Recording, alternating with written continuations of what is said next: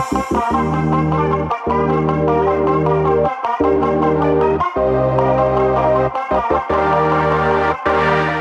hey hey welcome to Tea Fantasy Podcast. За манайха юу байцгаана?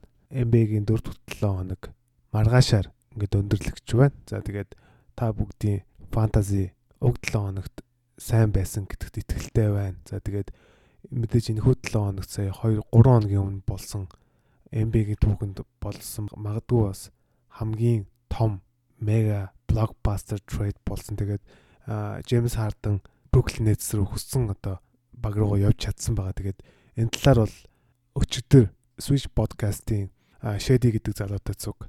Ер нь зөвхөн фэнтези гэлтгүү. Ер нь энэ NBA-гийн хувьд энэ солилцоо ямар болж байна. Тэгээд дээрэс нь Brooklyn Nets баг уг солилцоогоор одоо хэрхэн одоо дээшилж те амжилттай болох вэ? Энэ багийн одоо сул тал нь юу вэ гэдэг ч юм уу. Тэр талаар бол маш дэлгэрэнгүй ярьсан байгаа. Тэгээд та бүхэн бас тэрийг сонсоогүй байх юм бол ороод сонсоод үзээрэй. Тэгээд манай бүх платформуд дээр гарцсан байгаа. Тэгээд нэг цаг гарны юм нэг дугаар байгаа. Тэгээд маш сонирхолтой зүйлийг бол ярьсан гэж бодож байгаа. За тэгээд дээрэс нь Джеймс Хардны солилцоогоор үүдэн одоо фэнтезид ямар тоглогчийн одоо value өсөж байгаа, ямар тоглогчийн value буурж байгаа гэдэг талаар бол бас цухас ярьсан байгаа. Тэгэхээр би энэхүү дугаартаа болохоор одоо Джеймс Хардны солилцооны талаар бол ярихгүй. Тэм учраас та бүхэн түүний талаар одоо сонсохыг хүсэж байгаа юм бол Джеймс Хардны блокбастер солилцооны талаар гэсэн тэр дугаарыг маань сонсоорой гэж хүсэж байна. За тэгээ мэдээж уламжлал ёсороо эхний хэсгээр бол MB-гийн 4-р 7 болсон мэдээ мэдээлэл болон фантазид одоо хэрэгтэй мэдээллүүдийг багцлж хүргэдэг байгаа. За тэгээ подкаст руугаа шууд орё.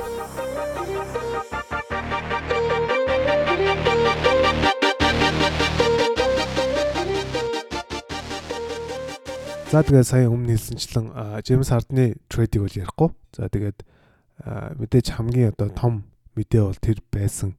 Тийм учраас түүн зориулж одоо нэг бүтэн цаг гарны дугаарыг бас хийсэн байгаа. За тэгээ хамгийн ихний мэдээ нь болохоор мэдээж коронавирусын халдвар MB-г бол үнэхээр хэцүү болгож байгаа. MB гэлтгүй ер нь бол Америк те дэлхийн нийтээр л хэцүү болж байгаа. За тэгээд MB-д бол маш олон тоглогчид одоо коронавирусын халдвар авч जैन. Дээрээс нь тусаад итгэцсэн хүмүүс бас дахин нөгөө нэг тусч байгаа гэсэн ийм одоо мэдээллийг ESPN-ийн сэтгүүлч Brian Windhorst мэдээлсэн байна лээ. Тэгэхээр юу гэсэн үг вэ гэхээр нөгөө энэ хүү вирус чинь болохоор нөгөө идэгсэн ч гэсэн нөгөө хүний биед одоо нөгөө дархлаа тогтдгоо. Тийм учраас нөгөө дахин дахин тусах боломжтой. Тийм учраас энэ хүү одоо вирус бол үнэхээр тийм аюултай вирус гэдэг нь бол үнэхээр тодорхой байгаа юм аа. За тэгээд үүний өмнө болохоор мэдээж хэрвээ коронавирус туссан тоглогч байх юм бол энэхүү тоглогч бол ер нь бол нэг 2-7 хоногийн дараа хурж ирнэ гэсэн ийм л одоо хүлээлттэй байхад болно. Тийм учраас би энэхүү дугаараар бас нэг тийм бүх одоо коронавирустэй тамирчдыг нэрлэж яриг гэж бодсонгүй. За тэгээд коронавирус туссан протокол орсон бол ер нь бол нэг коронавирус тусаад 14 хоног, протоколд орсон бол нэг 7 хоног, 10 хоног болдог байгаа. За тэгээд нэг баг одоо коронавирусээс болж ер нь сүрж энэ баг. Вашингтон Wizards баг 6 тоглогч нь коронавирусын халдварын одоо эерэг гэж гарсан байгаа. Тэгээд дахиад 3 нь болохоор одоо протокол буюу одоо протоколын дүрм зөрчсөн гэдэг утгаараа карантинлэгдэж байгаа. Тийм учраас 9 тоглогч бол одоо байхгүй байгаа. Тийм учраас Wizards баг одоо тоглолт хийх боломж бол байхгүй байгаа. Тийм учраас одоо дараагийн хоёр тоглолтыг бол нөөний PPT буюу одоо хойшлуулах мэдээлэл нь бол гарцсан байгаа. За тэгээд Вашингтон Wizards-тэй байсан тэ Брэдли Биллтэй байсан менежүүд бол жоохон хэцүү л 7 хоног бас болж өнгөрөхөндөө гэж бодож байна. За тэгээд Вашингтон Wizards гэснээс нөгөө Russell Westbrook бас коронавирусын алдар багт амар байгаа ч гэсэн одоо түүний хувьд болохоор нөгөө зүүн одоо quad гэж яриад байгаа одоо гуйны булчин юм уу да гимтсэн гэсэн ийм одоо мэдээлэл байгаа. Тэгээд энэ нь болохоор эх 7 хоногт дахин үзүүлээд хизээ гарахаа шийднэ гэсэн ийм одоо мэдээлэл албан ёсоор бол байна. За тэгвэл түүнийг зарим мэрэгчлэнүүд харж байгаа болохоор 3-аас 4-7 хоног уг гэмтлээсээ шалтгаалаад тоглолт өнжнө гэсэн ийм одоос мэдээлэл гарцсан байна. Тэгэхээр энэ одоо хэр бодтой мэдээлэл вэ гэдгийг бол сайн мэдэхгүй байна. Гэхдээ түүний бас энэ хөв бэртэл тийм ч одоо хөнгөн гэмтлээс биш байж магадгүй юм байна гэж харж болохоор байна. За тэгээд Russell Westbrook-тэй хүмүүс байх юм бол бас жоохон хэцүү цаг үеүүдээс өнгөрөх нь дээ. За Russell Westbrook байхгүй уснаар бол мэдээж Raul Neto болон East Smith хоёрт бол боломж гарч ирж байгаа. За тэгээд Вашингтоны тоглолтыг харж байхад болохоор Raul Neto илүү их ашиглаж байгаа харагдаад байна лээ. Ер нь бол тийм учраас магадгүй Deep League-тэй 14, 16, 18 хүнтэй лигүүд бол Raul Neto-г аваад түүний хувьд болохоор мэдээж одоо ассист бол сайн өгдөг те. Тэгээд бас мууг оноо авчдаг ийм одоо тоглож учраас бас ажиллаж яхад буруудахгүй ийм залуу байгаа гэж хэлмээр байна. За дараагийн нэг мэдээлэл нь болохоор Атланта Hawks багийн хамгаалагч Богдан Богданович баруун өвдөгнийхөө одоо ясыг угуулсан гэсэн ийм одоо хүнд гэмтэл бол авсан байгаа. За тэгээд энэ нь болохоор яг avulsion fracture гэдэг байгаа. Англиар бол ер нь бол өвдөгний одоо ACL биш одоо тэрний одоо наан гэдэг яс юм уу та. Тэр нь л одоо хугарсан юм шиг байгаа. За тэгээд түүний хувьд болохоор энэ хүү гэмтлээсээ шалтгаалаад хэдэн 7 хоног гэдэг одоогоор ийм хугацааг өгчөөд байгаа юм байна. Тэгээ ер нь бол энэ нэлээд бас хүнд гэмтэл юм шиг байна. Тийм учраас нэг дор хаяж нэг сар бол тоглохгүй хаа гэж бодож байгаа. Тэгээ тийм учраас ер нь бол Богдан Богданович ер нь тэгээд нэг одоо Hawks-ын системд уусаад ч юм уу нэг сайн тоглохгүй байсан. Тийм учраас Богдан Богдановичийг одоо хаяхад бол буруудахгүй болно гэж одоо бодож байна. Тийм учраас хэрвээ та одоо injury list байхгүй бол те Богданыг хадгалах шаардлагагүй гэж хэлмээр байна. За Богдан Богданович гимцнэр бол мэдээж хоёр хүнд маш их том боломж фэнтези вайлнд бол өсөж байгаа. Мэдээж эхнийх нь бол Cam Reddish. Cam Reddish бол гараанд гарч байгаа. Тэгээд ер нь маш сайн тоглож байгаа. Тэгээд шийдлүүд нь ер нь унж байгаа. Ер нь их дажгүй тамирчин Cam Reddish. Тэгээд гурван шийдэл оноо. Тэгээд самбар хэрэгтэй байх юм бол Cam Reddish бол заавал аваарай гэж одоо хэлмээр байна. А тэгтээ яг Hawks-ийн одоо энэ одоогийн бүрэлдэхүүн одоогийн нөхцөл байдал бол хэцүү байгаад байгаа. Тэгээд Triang, John Collins хоёр бол муудалцсан гэсэн ийм одоо мэдээлэлүүд байгаа. Тэгээд Triang, John Collins хоёулаа их муу тоглож байгаа. Ер нь энэ баг их л тийм адармаатай байгаад байгаа. Тэгээд гэтээ ер нь яг Cam Reddish бол гой сонголт болно гэж бодож байна. За тэгээд сэлгэнээс нь бол мэдээж Kevin Huerter гэдэг залуу байгаа шүү дээ. Тэгээд Kevin Huerter бол бас сайн тоглож байгаа. Тэгээд шидэлтүүд нь сайн унж байгаа. Дээрээс нь багийн одоо гол одоо ротейшны тамирчин болсон. Тийм учраас бас дажгүйс гой сонголт болно. Кевин Хортрийн хувьд тэгээд оноо 3 шидэлттэй бусдаас нь жоохон жоохон хэрэгтэй хүмүүс байх юм бол Кевин Хортрийг бол аваарай гэж одоо хэлмээр байна. За дараагийн нэг мэдээ нь бол маш харамсалтай нэг ийм мэдээ байна. Тэгээд Portland Trail Blazers багийн төвийн тоглогч Юсеф Нөркичийн хувьд баруун одоо шуу уу баруун бугууга хугалснаар 8-7 хоногийн талбайн гадна өнжнө гэсэн ийм одоо маш харамсалтай мэдээллийг бол авлаа. Тэгээд үнэхээр харамсалтай. Би бол зүгээр Юсуф Нуркичийг хэд хэдэн лигтээ маш өндрөөр авсан. Тэгээд энэ жил ер нь бол нэг ална гэж бодож исэн ийм хүн байгаа. Тэгээд Нуркич үнэхээр харамсалтай байна. Тэгээд Портландын хувьд бас Нуркич байхгүй гэдэг утгаараас амжилтын хувьд бас хэцүү болж ирэх нь бас тодорхой хаа гэж бодож байна. За тэгээд Нуркич одоо хагалгаа хэлснээр 8-7 хоног гэрч одоо 2 сар тий. Тэгэхээр Нуркичийг хэрвээ та injury list байхгүй байх юм бол хадгалах шаардлагагүй шууд хаяарэ гэж зөвлөж байна. Яг гэх юм бол 8-7 хоног гэдэг бол маш урт хугацаа. Тэгээд одоо ихэнх одоо лигүүдийн хувьд бол 13-7 хоногийн дараа гэхэд ер нь бол баг плей-офф эхэлж байна. Тийм учраас 8-7 хоногийг Юсуф Нуркичийг хадгалж өнгөрөөгээд дараад нэг 4-7 хоног те байна гэдэг бол ер нь бол маш тийм хэцүү сонголт болж байгаа. Тэгээд дээрэс нь шууд ирээд сайн байх чадахгүй шүү дээ. Тэгээд гимтлээс дөнгөж ирж байгаа хүн чинь мяд хязгаартай тоглоно гэдэг ч юм уу. Ер нь бол түүнийг бол хайцсан зөв гэж одоо хэлмээр байна. За тэгээд Нуркичийг хайснаар бол мэдээж танаа багч нэлээд хэцүү болж ирэх нь бол тодорхой хаа гэж бодож байна. За тэгээд Нуркич байхгүй үед бол мэдээж NS counter бол гараанд гарч байгаа. Тэгээд өнөөдрийн тоглолтод бол үнэхээр сайн тоглож илээ. Тэгээд дабл дабл хийцэн. Баг 6 7 блок хийчүүдээ. Тэгээд NS counter-ыг бол заавал аваарай. Ер нь бол дабл дабл бол дундчлаад явах нь бол тодорхой байх гэж одоо бодож байна. Тэгээд дээрэс нь нөгөө довтлооны хувь бол маш сайтай юм тоглогчтэй. Тэгэхээр довтлооны хувь те фри дрифт ажгүй шийдэн. Дээрэс нь оноо самбар тэгээд блок гэд эдгээр үзүүлэлтүүд бол үнэхээр сайн өгнө гэж одоо бодож байгаа. За тэгээд Nurkic-ийг байхгүй болсноор бол мэдээж нэг хүний value л өссөн гэж харж байгаа нь Роберт Covington байгаа. Rocco. За тэгээд Rocco бол энэ үлрэл их муу байсан. Үлрэлийн ихэнд.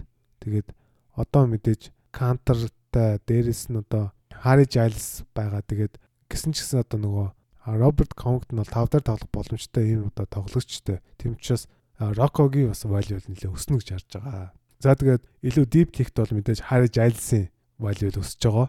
Harry Giles бол нэг 10 оноо 6-7 самбар бол авах ийм одоо болцоотой болж ирж байна гэж хэлмээр байна. Мөн Кармела Антонигийн ч одоо value өснө. Тэр бол тодорхой. Тийм учраас эдгээр одоо тамирчдыг бас ажиглаж байгаад аваарай гэж одоо зөвлөж байна. Тэгтээ энэ хамгийн одоо гол value өсөж байгаа тамирчин бол Ens Canter.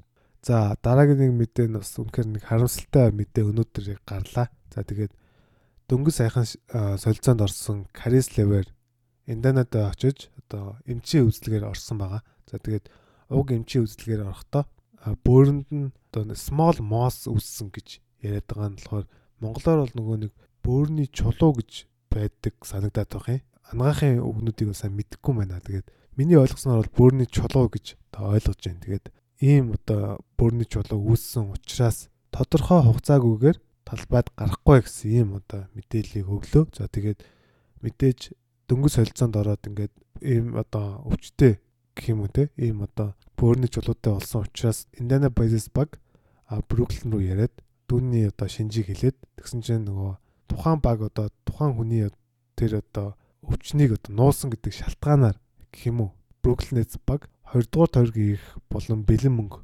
өгсөн гэсэн ийм одоо мэдээллийг авлаа. За тэгээд Карис Леверүүд үнэхээр харамсалтай үнэхээр байна. Тэгээд магадгүй бас харамслаас гадна магадгүй азтай ч магадгүй. Эсвэл хэрвээ Бруклинд байсан бол те ингэж одоо шинжилгээ хийлгээч үгүй ч үү те. Тэгээд энэхүү одоо тэр бөөрийн чулуугаа одоо мэдээч үгүй ч үү те. Тэгээд мдээгүй улмаас одоо улам хүндрэх ийм аюултай байсан байж магадгүй.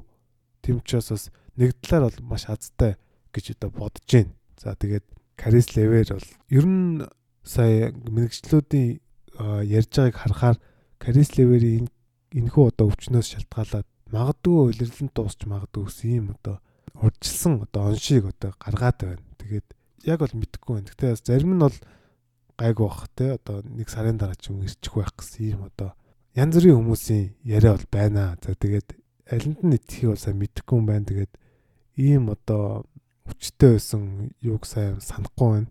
Өмнө нь одоо тоглогч. За тийм учраас бол яг хизээ ирэхийг бол үнэхээр мэдэхгүй байна. Крис Ливерийн хувьд удаж бол магадгүй баха гэж би бол хувьдаа бол таамаглаж байна. За тэгээд Карис Ливер мэдээж одоо Индианад тоглолт хийж чадахгүй болмаас одоо Индиана бол мэдээж одоо Jeremy Lamb гэмтлээс ирж байгаа те. Дээрэс нь Aaron Holiday, Justin Holiday, Doug McDermott гэсэн эдгээр залуучуудын value бол fantasy хамаагүй өсөж байна. За тэгээд би бол хувьдаа бол Justin Holiday, Aaron Holiday хоёр энэ жил бол их дуртай байгаад байгаа. Тэгэхээр энэ хоёр залууг бас хэрвээ танаа хог дээр ч байх юм бол бас аваарай гэж та зөвлөж байна. За тэгээд Jeremy Lamb одоо удахгүй ирэх гэж байгаа. Нөгөө хүнд гимтлээсээ тэгээд түүний удаас сонирхолтой байна. Тэгээд яг хэдэн минутыг одоо талбай дээр өнгөрүүлэх бол те мэдээж минутын хязгаарлалтай л байна байх. Гэхдээ одоо хэр их минутыг өгөх нь үү гэдгийг бас их сонирхолтой байна. Тэгээд тэрийг бас харъя. Тэгээд э, ер нь яг хуу Jeremy Lamb итгэж байгаа хүмүүс юм бол авчихад бол буруудахгүй хаа гэж бодож байна. Тэгээд ер нь удахгүй ирнэ гэсэн тийм мэдээллийг бол авсан. За тэгээд гимтэл бэртлийн мэдээллүүд нэг юм нэг иймэрдүү байлаа. За тэгээд дараад нь бас удахгүй гимтлээсээ ирэх тамирчдыг бас танилцуулъя гэж бодож байна. За тэгээд Нью-Йорк Knicks багийн хамгаалагч Алек Борксийн хувьд шагааны гимтлээсээ шалтгаалаад бараг 2 3 7 хоногийг өнчлөө тий. За тэгээд уг гимтлээсээ ер нь удахгүй ирнэ гэсэн юм одоо мэдээллийг өгсөн байгаа. За тэгээд day to day буюу өдрөөс өдөртөө гэсэн юм одоо статустай бол байгаа юм байна. За тэгээд одоогоор нөгөө бэлтгэлээ хийж байгаа. Тэгээд бэлтгэл дээр бол дажгүй сайн харагдаж байгаа гэсэн ийм одоо хүний яриа байна лээ. Тэгэхээр Алек Брукс удахгүй ер нь ирчих юм байна гэж одоо ойлгохоор байна. За тэгээд Алек Брукс ирчих юм бол бас үнэхээр одоо бас гой сонголт болно. Улирлын ихэнд бол үнэхээр сайн тоглож байсан шүү дээ. Тэгэхээр зүгээр улирлын ихний тэр статистик бол би бол яг хүлээхгүй байна. Гэхдээ ер нь их дажгүй 15 5 5 ч юм уу хийчих ийм одоо боломжтой тамирчаан гэж одоо хэлмээр байна. Тийм учраас хэрвээ танаа хог дээр чинь Алек Брукс авах юм бол аваарай гэж одоо зөвлөж байна.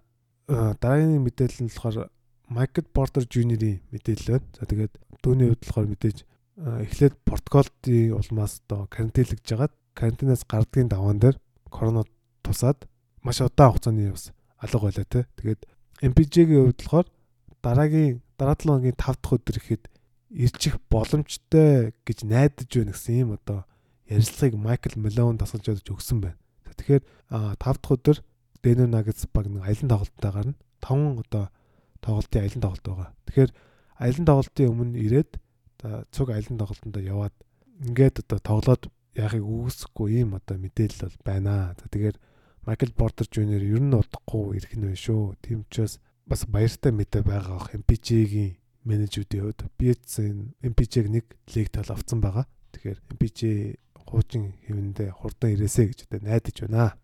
За сүүлийн нэг мэдээлэл нь болохоор мэдээж Brooklyn Nets багийн Kevin Durant-ийн хувьд back to back буюу дараалсан тоглолтуудад оролцох төлөвлөгөөтэй байгаа гэсэн юм одоо мэдээллийг өгсөн. Тэгэхээр маш сайн мэдээ KD-ийн менежүүдийн хувьд тэгэхээр Kawhi KD гэдэг нь одоо том гэмтэлтэй байсан тамирчтай бол тэгээд энэ жилээс эхлээд нөгөө back to back тоглолтод бол оролцохоор болж байгаа нь бол үнэхээр сайн мэдээ байна. За тэгээд Kawhi KD хоёрыг бол энэ жил бол ихэнх лигүүдэд нөгөө гэмтлээс нь шалтгаалаа. Дээрэс нь back to back оролцохгүй гэдэг шалтгаанаар хоёроор одоо хоёрдугаар тойргоор сонгосон тохиолдлууд бол маш их байгаа. Тэм учраас энэ хоёр тоглогчийг одоо авсан багууд бол үнэхээр азтай хулгай хийчлээ гэж харж байна.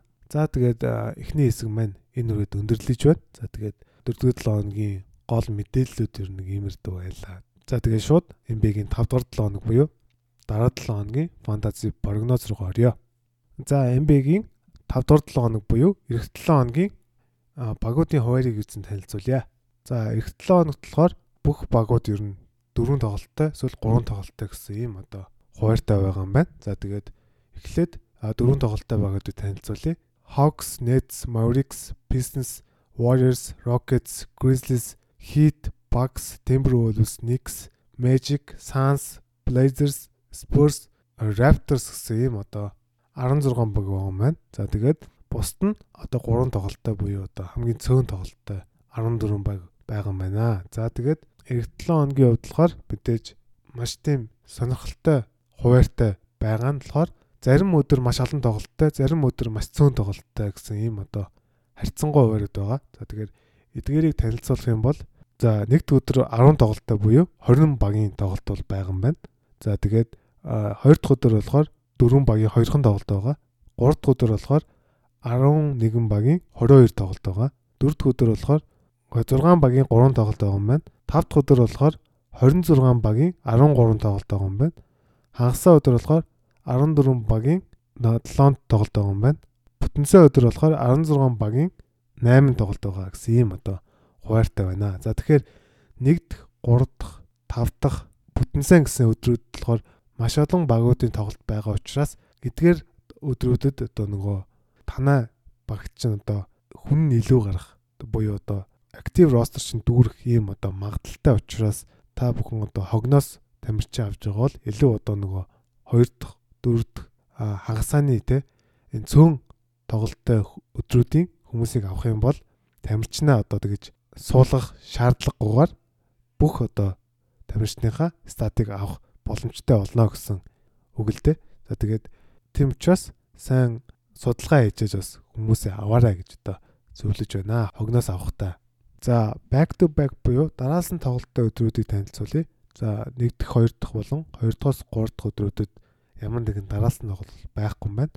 За 3 дахь 4 дахь болохоор Golden State Warriors дараалсан тоглолттой юм байна. За тэгэхээр магадгүй Draymond Green нэгэнд нь бол багадгүй амрах байх гэж одоо бодож байна. За 4 дахь 5 дахь болохоор Milwaukee, New York гэсэн багууд байгаа юм байна. За магадгүй те а Янас бол амрахгүй л баг. Гэхдээ магадгүй амарч бас юуны магад гэж одоо бодож байна. За 5 дахь хагасанд болохоор нэлээд олон багууд бол байгаа юм байна. Бруклин, Чикаго, Даллас, Денвер, Детройт, Хьюстон, Майами, Миннесота, Фили, Феникс гэдэг багууд байгаа юм байна. За тэгэхээр эдгээр багуудаас одоо Крис Пол, Жоэл Эмбид, Жими Батлер, тэ Йокич ч юм уу. Тэгээд Лука ч юм уу, Харден ч юм уу, эсвэл Кайри ч юм уу ингээд амрах магадaltaй олон тоглолцол байгаа юм байна. За хагацаанаас бүтэнсээ өдөр болохоор ямар нэгэн дараалсан тоглол байхгүй юм байна. За тэгээд шууд нөгөө дараа 7 хоногт сайн тоглож магадгүй хогноос авал зөхөх 5 тоглогчийг хуваасаа танилцуулдаг байгаа. За тэгээд эдгээр 5 тоглогчийг эхнийхээр болохоор Philadelphia 76ers багийн хамгаалагч Shaq Milton онцлсан байгаа. За тэгээд Shaq Milton-ийн хувьд болохоор эх 7 хоногт 3 тоглолт хийх хуваартай байгаа. За дээрэс нь түүнийг одоогоор яхаа эзэмшигчдийн 45 хүн эзэмссэн байгаа юм байна. За тэгээд Shaq Milton нөгөө карантинаас хурж ирээд эхний хоёр тоглолтод маш сайн тоглож байгаа. Эхнийгт нь баг 30 оноо. За өнөөдрийн тоглолтод болохоор 28 оноо авсан байсан. Тэгээд маш өндөр хувийн шидэлттэй ийм одоо хоёр тоглолтыг хийсэн байгаа. За тэгээд Shaq Milton бол хэрвээ танаа хог дээр ч байх юм бол заавал аваарай гэж зөвлөж байна. Яг гэх юм бол энэ баг ер нь бол довтлоон дээр болохоор Joel Embiid-ийн араас орохоор ийм одоо сайн байгаа. Дээрэс нь багийнхан ч итгэж байгаа. Doc Rivers итгэж байгаа. Тим ч бас Shaq Milton бол үнэхээр сайн тоглох боломжтой. Тэгээд дээрэс нь шидэлтүүд нь үнэхээр сайн унж байгаа. Тэг яг энэ хот байгаа үед нь бол түүнийг аваад заавал ашиглаарай гэдэгтэй хэлмээр байна. Тийм учраас Shake Milton бол үнэхээр гоё сонголт болно. Таны одоо эх 7 хоногттэй 3 тоглолттой ч гэсэн уг 3 тоглолтод бол үнэхээр сайн сайн статыг өгөх нь дамжиггүй гэж одоо бодож байна. За хоёрт нь болохоор Detroit Business Bank-ийн хамгаалагч Dylan White-ийг өндлсөн байгаа. Түүнийг одоогоор яхаа эзэмшигчдийн 33 он эзэмшсэн байгаа юм байна. За тэгээд эх 7 хоногт 3 тоглолт хийх хуваартай байгаа. За Dylan White-ийг яагаад унтсан шалтгаан нь бол мэдээж нөгөө Килн Хейс гэдэг руки залуугийн гэмтэл байгаа тий. За тэгээд тийм учраас одоо хамгаалагчийн байрал дээр бол үнэхээр хүч дутуу байгаа. Derrick Rose, Dylan White хоёр байгаа. За тэгээд сүүлийн хэдэн тоглолтод бас дажгүй сайн тоглож байгаа. А тэгтээ Dylan White-ийн нэг сул тал нь одоогоор болохоор нөгөө довтлооны маш муу байгаа. Шидэл үнэхээр унахгүй байгаа. Тийм учраас зүгээр довтлооны үе чинь магадгүй алж магадгүй гэж бодож байна. Гэхдээ бусад үзүүлэлтүүдээр оноо ялангуяа одоо самбар ассистаар үнэхээр сайн өгж байгаа. Тэгээд нэлээд олон мяас тоглож байгаа. Тэгээд өнөөдөр болохоор 10 ассист өгсөн байлээ. Тэгэхээр Dylan White-ыг бол ассист, rebound магадгүй нэг хідэн стил хэрэгтэй хүмүүс байх юм бол заавал аваарай гэж одоо хэлмээр байна. Тийм учраас одоо Kellen Hayes нэлээд урт хугацааны гэмтэлтэй болсон. Тийм учраас Dylan White нэлээд ашиглагдах байхаа гэж бодож байна. За дараад нь буюу 3 дугаар байранд болохоор OKC Thunder багийн хамгаалагч Лүү Дортыг онцлсан байгаа. Түүнийг одоогоор яхаа эзэмшсэний 26 он эзэмшиж байгаа юм байна. За эх 7 хоногт 3 тоглолтыг хуваартай байгаа. OKC-ийн хувьд. За Дортыг онцлсан шалтгаан бол ер нь бол их сайн тоглож байгаа. Тэгээд хамгаалтны одоо хамгийн гол мэрэгжилтэнтэй. Тэр айлын бол хамгийн сайн хамгаалагч тэр очиж таардаг. Тэгээд стилийг бол үнэхээр сайн хийж байгаа. Сүүлийн тоглолтод 4 билүү 6 стил хийсэн байсан тий. Тэгэхээр лүд ортын үед стил хэрэгтэй хүн байх юм бол аваарай. Тэгээд дээрэс нь бас муугуу товтолж байгаа. Тэгээд гураасаас дажгүй шидэж байгаа. Тийм учраас гурван шидэлт оноо. Тэгээд самбар стилийгч үнэхээр сайн хийх боломжтой ийм одоо тоглогч байгаа. Тэгээд энэ сүүлийн үед болохоор мэдээж Дарис Базлигийн хувьд бол үнэхээр муу байгаа. Тийм учраас лүд ортын стат бол сайжрах төлөвтэй гэж би өвдө харж байгаа. Тийм учраас түүнийг бас аваарай гэж одоо зөвлөж байна. За дараагийн буюу дөрөвдүгээр байранд болохоор Houston Rockets багийн хамгаалагч Jason Tate-ийг онцлсан байгаа. Түүнийг одоогоор яхаа эзэмшигчдийн дөрөвхөн хүн эзэмшиж байгаа юм байна. За эх 7 хоногийн хувьд болохоор Houston Rockets баг дөрөв тоглолт хийх хууртай байгаа. За түүнийг онцлсан шалтгаан бол мэдээж хаардаа явснаар хамгаалагчийн байралд бол нэлээд том орон зай гарч ирсэн. Одоогоор яг Виктор Oladipo тоглолтод оролцоогүй байна. Oladipo ирэхээр мэдээж минут нь бол багасах байх. Гэхдээ энэ Jason Tate гэдэг залуу бол 3 номер дээр тоглох боломжтой ийм одоо залуу байна лээ. Тэгээд энэ руки залуугийн давуу тал нь бол мэдээж том биетэй. Тэгээд их тийм зүтгэлтэй тоглодог юм байлээ. Тэгэхээр assist, steal хоёрыг бол дажгүй хийчих байхаа гэж харж байна. За тэгээд муугүй бас товтлолт юм байна лээ. Тэгэхээр нэг 10 оноо, нэг 4 самбар, 3 assist, нэг 2 steal-ийг бол хийх боломжтой ийм одоо залуу байгаа. Тэгэхээр ер нь бол дөрвөн үе эзэмшиж байгаа гэхээр баг ихэнх лигүүдийн хог дээр бол байгаа бах. Тэм учраас түүнийг бас ажиглаж яхад буруудахгүй ийм одоо залуугаа. За хамгийн сүүлд буюу одоо 5 дугаар байранд York Knicks багийн хамгаалагч Emmanuel Quickly гэдэг rookie залууг онцлсан байгаа. Түүнийг одоогоор яхаа эзэмшдийн 9 өнөд эзэмшиж байгаа юм байна. За эх 7 хоногт болохоор York Knicks баг 4 тоглолт хийх хууртай байгаа. За түүнийг онцлсан шалтгаан нь бол мэдээж сүүлийн хоёр тоглолтод бол үнэхээр сайн тоглож байгаа. Тэгээд Elfrid Payton-гээс хамаагүй илүү тоглож байгаа. Ер нь бол тэгээд товтлооны хувьд бол үнэхээр сайн. Дээрэс нь хамгаалт бол их мууг юм байна лээ. Их тийм зүтгэлтэй тоглодог. Тийм учраас магадгүй Tips тасалжуулагч Emmanuel Quickly гараанд гарах цаг нь бол болцсон байж магадгүй гэж би хувьдаа бодож байгаа. За тэгээд түүнийг яг онцлох уу байх уу гэж нэлээ эргэлзэж байгаад онцлсан шалтгаан нь бол мэдээж Alec Burks удахгүй ирэх гэж байгаа тий. Өмнөх хэсгээр би ярьсан.